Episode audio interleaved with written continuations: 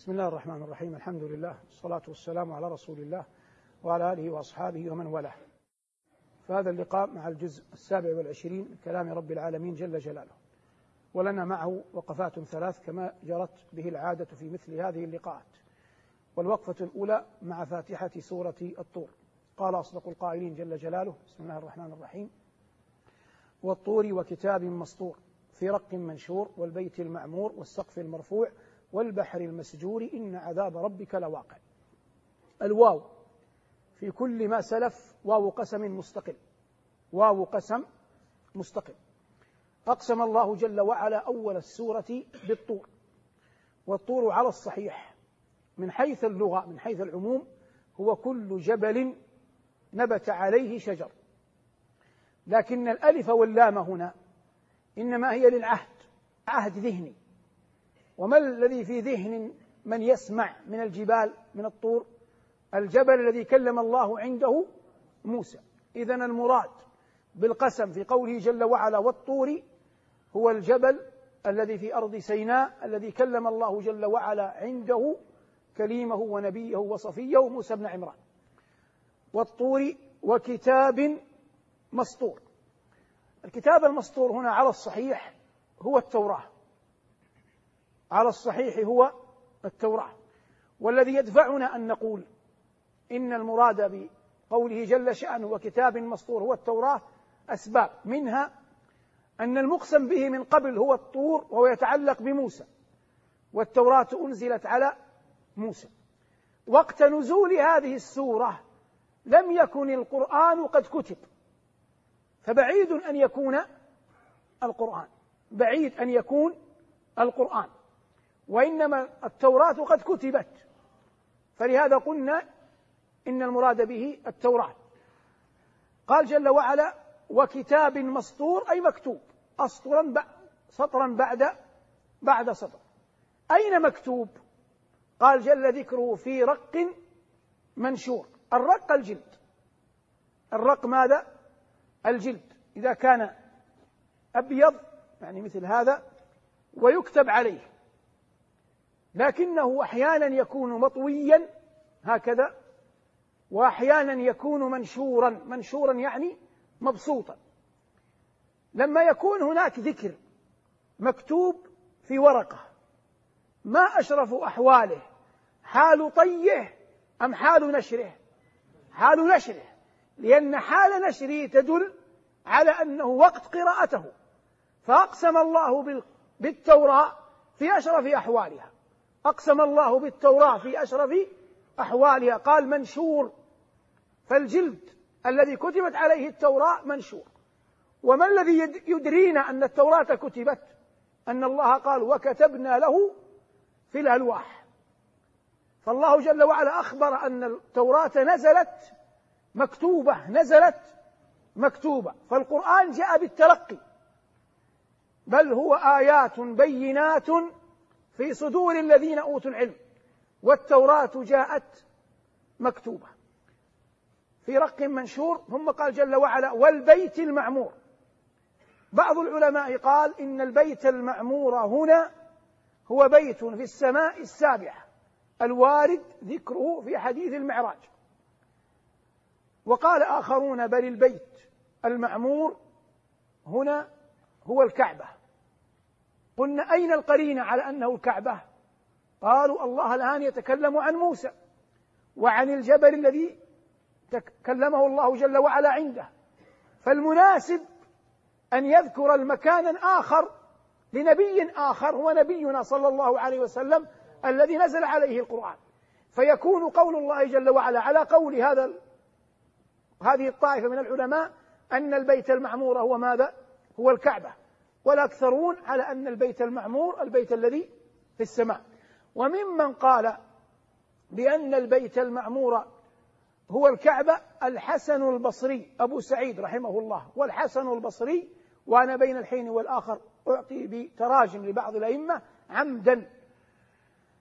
أحد التابعين الكبار رضي الله عنه وأرضاه. ويقال في خبره أنه قام يوما خطيبا فأغلظ على الحجاج.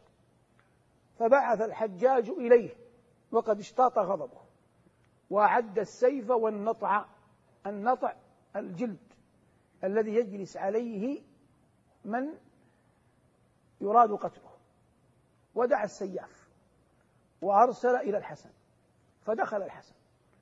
فلما دخل الحسن مع الباب حرك شفتيه ثم جاء للحجاج يعني في صدر المجلس. فقال له الحجاج كيف أنت يا أبا سعيد؟ ثمة مسائل أريد أن أسألك عنها. وأخذ يسأله والحسن يجيبه وكلما فرغ قال الحجاج له أنت سيد العلماء يا أبا سعيد. فلما أراد أن يخرج طيبه بطيب بغالية عنده. غالية يعني إناء فيه طيب. وخرج الحسن. لما خرج مع الباب تبعه الحاجب الذي كان على الباب. قال يا أبا سعيد الآن خرج على القصر. والله إنك لتعلم أن الحجاج ما دعاك ليكرمك ومع ذلك أكرمك. لكني رأيتك عندما دخلت مع الباب حركت شفتيك فأسألك بالله ماذا كنت تقول؟ قال كنت أقول اللهم يا ولي نعمتي وملاذي عند كربتي اجعل نقمته بردا وسلاما علي كما جعلت النار بردا وسلاما على إبراهيم. فلجأ إلى ربه فكفاه الله جل وعلا الحجاج. نعود لل للآية. الله يقول والبيت المعمور. فهذا قلنا إن الذي من الذين قالوا إن البيت المعمور هو الكعبة هو من؟ الحسن البصري.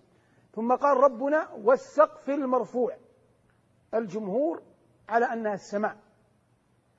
بدليل أن الله جل وعلا قال وجعلنا السماء سقفا محفوظا. والمناسبة بالقسم بها قالوا منها أي من العلو نزل القرآن ونزلت التوراة. من العلو نزل القرآن ونزلت ونزلت التوراة. والسقف المرفوع ثم قال أصدق القائلين والبحر والسقف المرفوع والبحر المسجور. وهو قسم تجر. البحر هل هو جنس البحار؟ أهو بحر بعينه.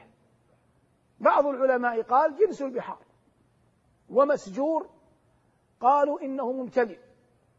وقال آخرون إنما هذا قسم به حال ما يكون يوم القيامة. إذا البحار سجرت. بمعنى ملئت نارا. وقال فريق من العلماء إن الألف واللام في البحر ليست لام جنس وإنما لام عهد. فلما ذكر الله جل وعلا الطور وموسى والتوراة فإن البحر هو بحر القلزم المعروف الآن بالبحر الأحمر. قالوا والمناسبة بالقسم به أن هذا البحر فيه نجى الله موسى. فيه نجى الله جل وعلا موسى. والبحر المسجور هذه كلها قسم متتابع أقسم بها رب العالمين جل جلاله. أما جواب القسم فهو قوله تبارك اسمه وجل ثناؤه إن عذاب ربك لواقع.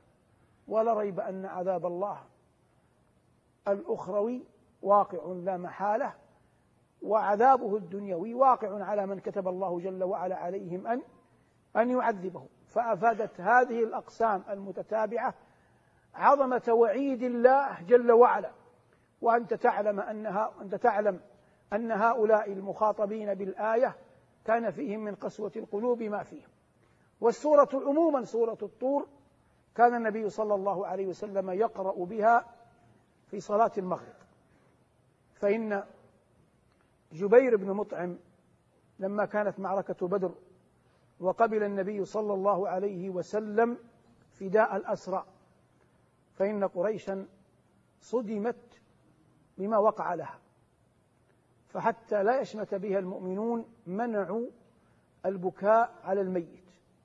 وذات يوم رجل كبير فيهم مات له أولاد ثلاثة تقريبا في بدر فأصبح في قلبه حزن فيريد أن يبكي لكن قريشا منعت البكاء وهو منهم لا يستطيع أن يخرج عنهم فسمع نواحا يعني صياحا فقال لغلام له قم فاذهب. وانظر على من الذي يصيح وعلى ما يصيح فلعل قريش أذنت بالبكاء على قتلها فإن في صدري ما فيه. فرجع هذا ذهب ورجع. قال هذه امرأة أضاعت بكرا لها بكرا لها يعني فتى من الإبل. الإبل في سن معين. فقال تبكي أن يضل لها بعير ويمنعها من النوم السهود. فلا تبكي على بكر ولكن على بدر تقاصرت الجدود. على بدر صراط بني هصيص ومخزوم ورهط أبي الوليد ألا قد ساد بعدهم أناس ولولا يوم بدر لم يسودوا فلما جاء الأمر بفداء الأسراء جاء جبير, جبير بن مطعم من المكة إلى إلى المدينة وهو مشرك ليدفع الفدية حتى يفدي أسراه. فدخل المدينة والنبي صلى الله عليه وسلم يصلي بالصحابة المغرب. فسمعه يقول في سورة الطور يقرأ أم خلقوا السماوات والأرض بل لا؟ أم خلقوا من غير شيء أم هم الخالقون؟ أم خلقوا السماوات والأرض بل لا يوقنون؟ قال رضي الله عنه وأرضاه كاد قلبي أن يطير. يعني ما أن سمعتها كاد قلبي أن يطير فكانت سببا في إسلامه بعد ذلك رضي الله عنه وأرضاه. تعالوا ساعة نؤمن مع القرآن. مع القرآن. هذه الوقفة الثانية من الجزء السابع والعشرين وهي من سورة القمر. والآن قد نحتاج إلى التنوع في الإلقاء لأن السورة تبدأ ندخل في المفصل تدريجيا فتكثر الصور أكثر من كونها في الأجزاء في الأجزاء الأول. فأعطي فوائد ما أمكن إلى ذلك سبيلا. قال الله جل وعلا في سورة القمر خش عن أبصارهم كأنهم جراد منتشر. وقال في القارعة كالفراش المبثوث. فوصف الله جل وعلا حال الناس يوم البعث وصفين وصف بالجراد ووصف بال بالفراش. الفراش طائش. لا جماعات له. والجراد يسير على هيئة جماعات. والجمع بين الآيتين أن الناس عندما يبعثون من القبور لا يدرون أين يذهبون. وهذا معنى قول الله جل وعلا يموج بعضهم في بعض. ثم لا يلبث أن يسمعوا إسرافيل ونداءه. فيتقدمهم إسرافيل فيتبعونه. فإذا اتبعوه ضبط أمرهم فانتقلوا من حالة كونهم كالفراش إلى حالة كونهم كالجراد. هذا أظهر ما قيل في الجمع ما بين هاتين الآيتين. في سورة القمر قال جل ذكره كذبت ثمود بالنذر. ثمود في سياق عرف المؤرخين وأهل الأخبار هم من العرب البائدة ونبيهم صالح. وقوله جل وعلا كذبت ثمود بالنذر ولم يأتهم إلا نبي واحد. هذا لأن التكذيب بأي نبي تكذيب بالأنبياء جميعا. كذبت ثمود بالنذر وهناك علة في تكذيب الأمم اتفقت عليها الأمم كلها. وهم أنهم يعجبون كيف يكون النبي بشرا. وهذه ما من أمة إلا وقالتها لنبيها. واعترضوا على أنبيائهم بكونهم بشرا. ومن جملة هؤلاء قوم صالح أي قبيلة ثمود. ألقي الذكر عليه من بيننا ثم قالوا بل وهذا إضراب انتقالي. بل هو كذاب أشر. فوصفوه عليه السلام بوصفين. وصف بأنه كذاب وزادوه بأنه أشر. فأما معنى كذاب فظاهر. ما لا يقول الصدق لكن ما معنى كذاب أشر؟ معنى الكذاب الأشر كالتالي. لو أن أحدا وأنت تدخل الدار وجدته في فناء دارك كان قد دخل قبلك يريد أن يسرق فلما فاجأته خاف فسألته ما الذي أدخلك الفناء؟ فكذب وقال بأي عذر؟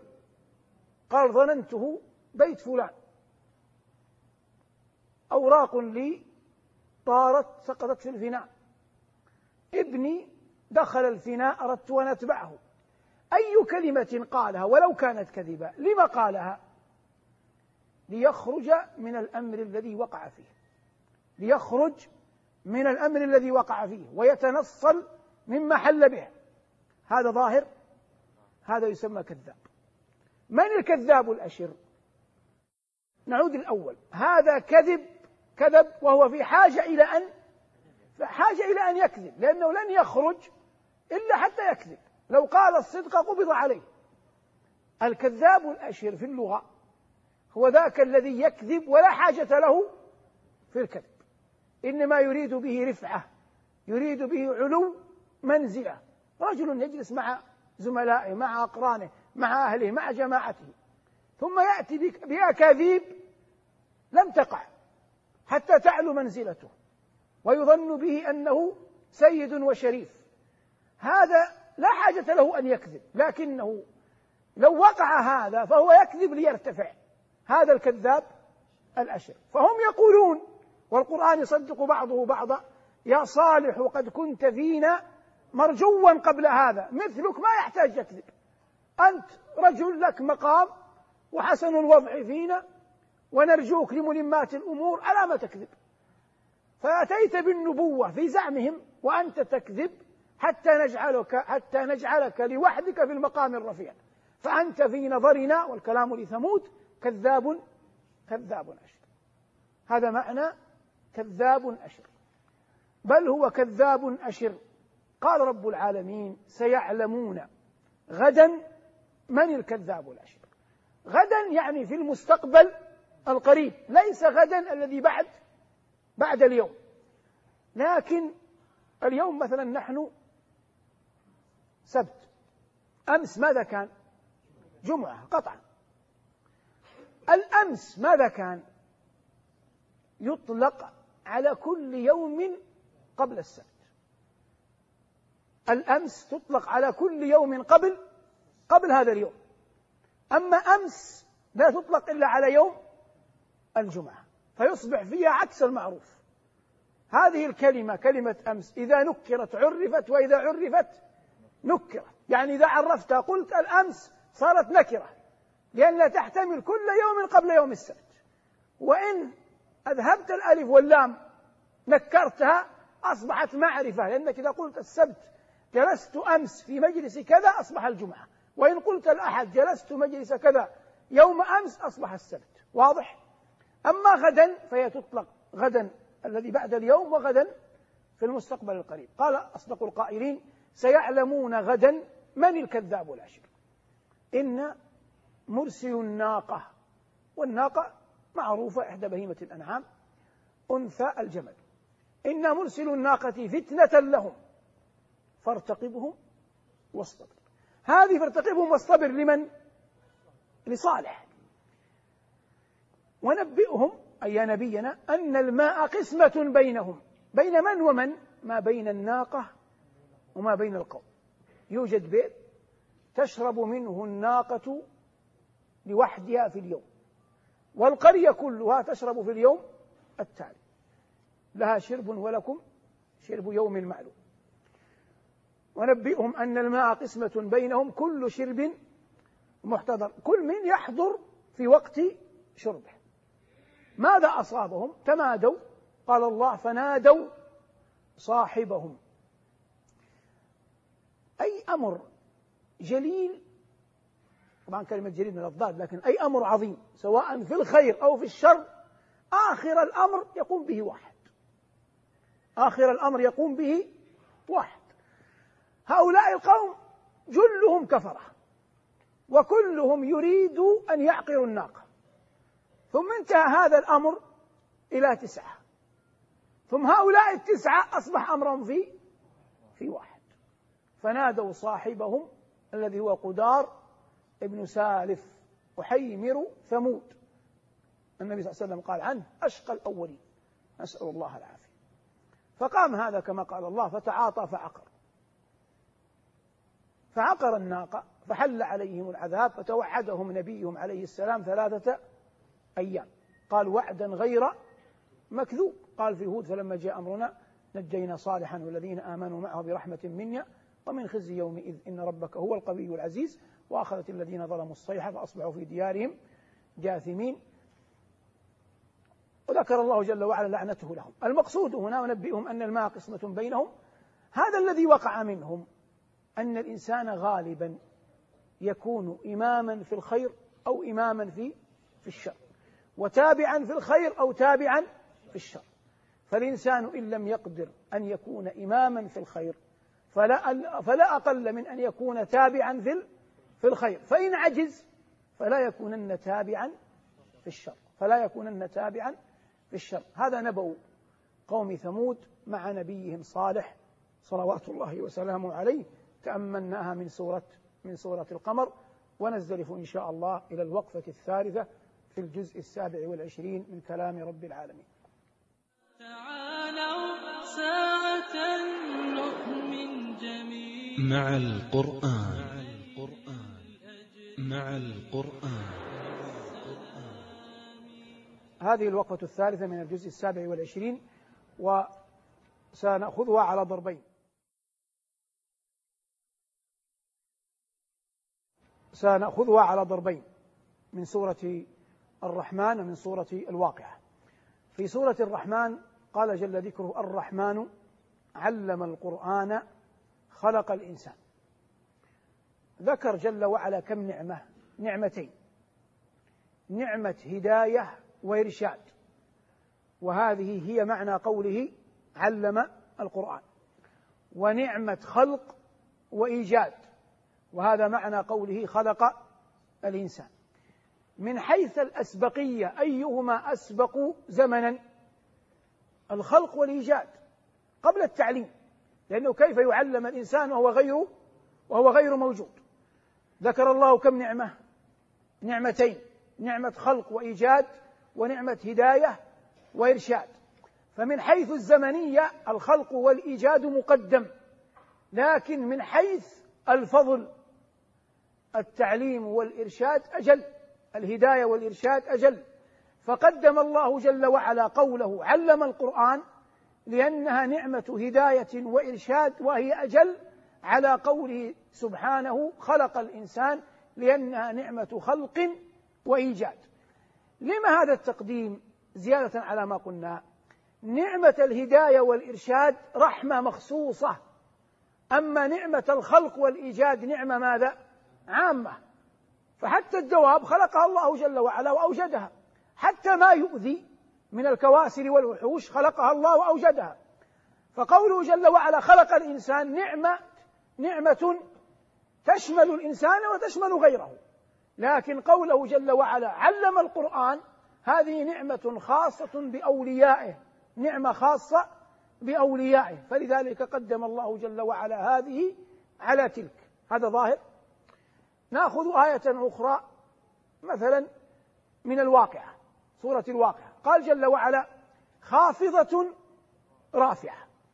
بعض العلماء يقول تخفض أهل التجبر والطغيان والكفر وترفع أهل الإيمان. وهذا من حيث الصحة صحيح لكن هل الآية تدل عليه ها هنا؟ الجواب لا. لما الجواب لا؟ لأن الله يتكلم عن يوم القيامة وتغير الكون. إذا رجت الأرض رجة وبست الجبال بسة إذا ما الذي يخفض ويرفع؟ الكون. الأرض. النجوم تنكدر تسقط الشمس تكور القمر يخسف الجبال تصبح هباء منبثا.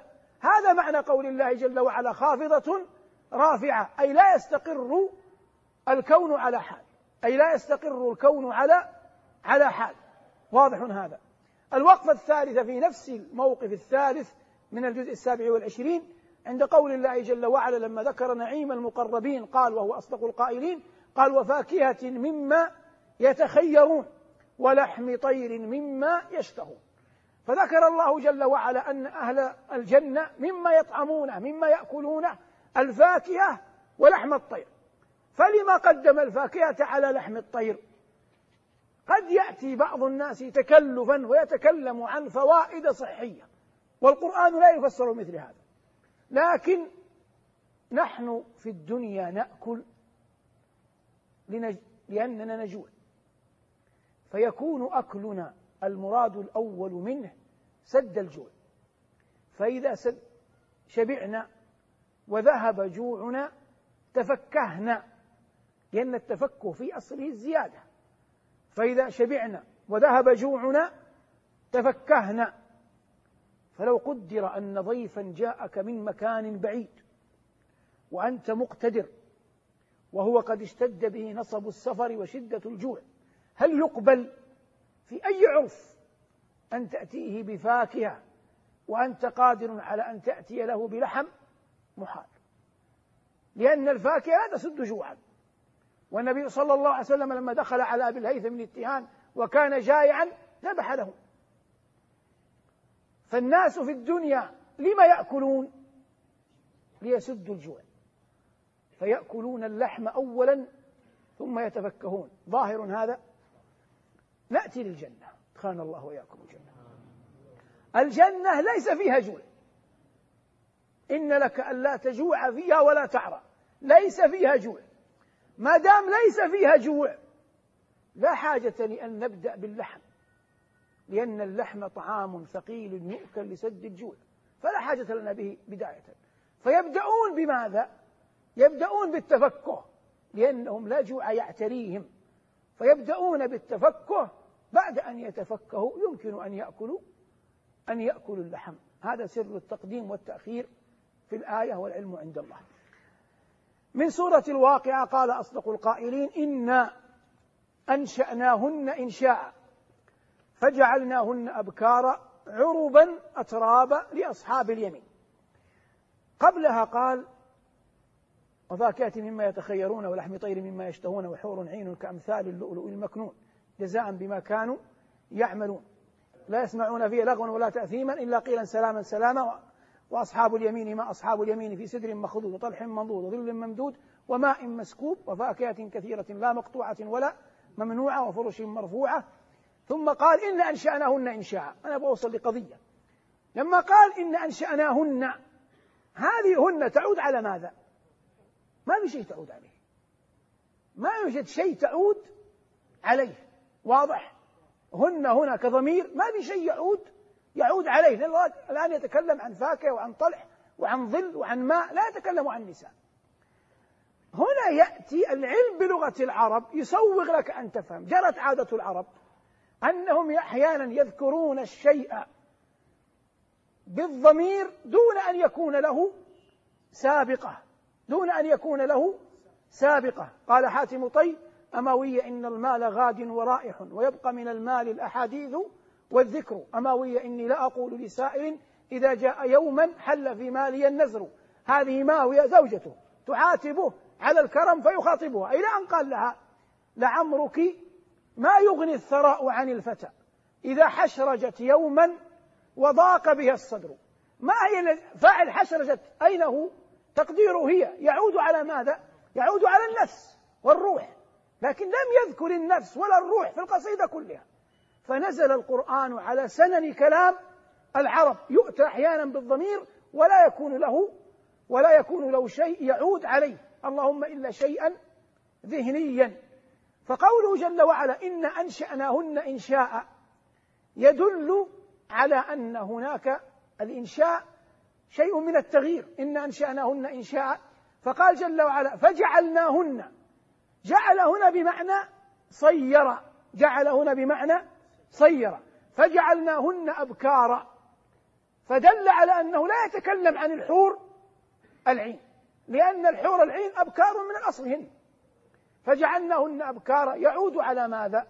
على نساء المؤمنات اللواتي يدخلن يدخلن الجنة. على النساء المؤمنات اللواتي يدخلن الجنة. فجعلناهن أبكارا عربا يعني محببة إلى زوجها يعني المرأة تسعى إلى أن تحبب إلى زوجها من أخذها جرير. من قال جرير. نسأل الله العافية ضيعت لكنه في حائية له آه، شهيرة. لما مدح هشام ابن ابن ابن عبد الملك وقال عرابا لم يدن مع النصارى ولم يأكن من سمك القراحي فقوله عراب على أحد التفسيرين للمعنى أنهن نساء يتوددن يتحببن لي لأزواجهن. يتوددن ويتحببن لأزواجهن ذكرنا الآن أتصحو أم فؤادك غير صاحي؟ عشية هم صحبك بالرواحي؟ تقول العاذلات علاك شيب هذا الشيب يمنعني مراحي؟ يكلفني فؤادي من هواه؟ ضعائن يجتزعن على رماحي؟ عرابا هذا موضع الشاهد. لم يدن مع النصارى ولم يأكلن من سمك القراحي. والمقصود عربا أترابا. معنى أتراب لدات قالوا وش معنى لدات الحين؟ أعرابا معناها لدات لدات بمعنى أنهم ولدوا في وقت واحد. يعني أسنانهم متقاربة عربا أترابا لأصحاب اليمين ثلة من الأولين وثلة من الآخرين. جعلني الله وإياكم منهم. هذا الآن أخذنا ثلاث وقفات حول حول الجزء السابع والعشرين والعلم عند الله. مع القرآن نحيا في سلام فخير الوقت في خير الكلام. بتفسير وأخبار حسان عن المختار نبراس الظلام. مع القرآن تسامت به الأرواح في أعلى مقام.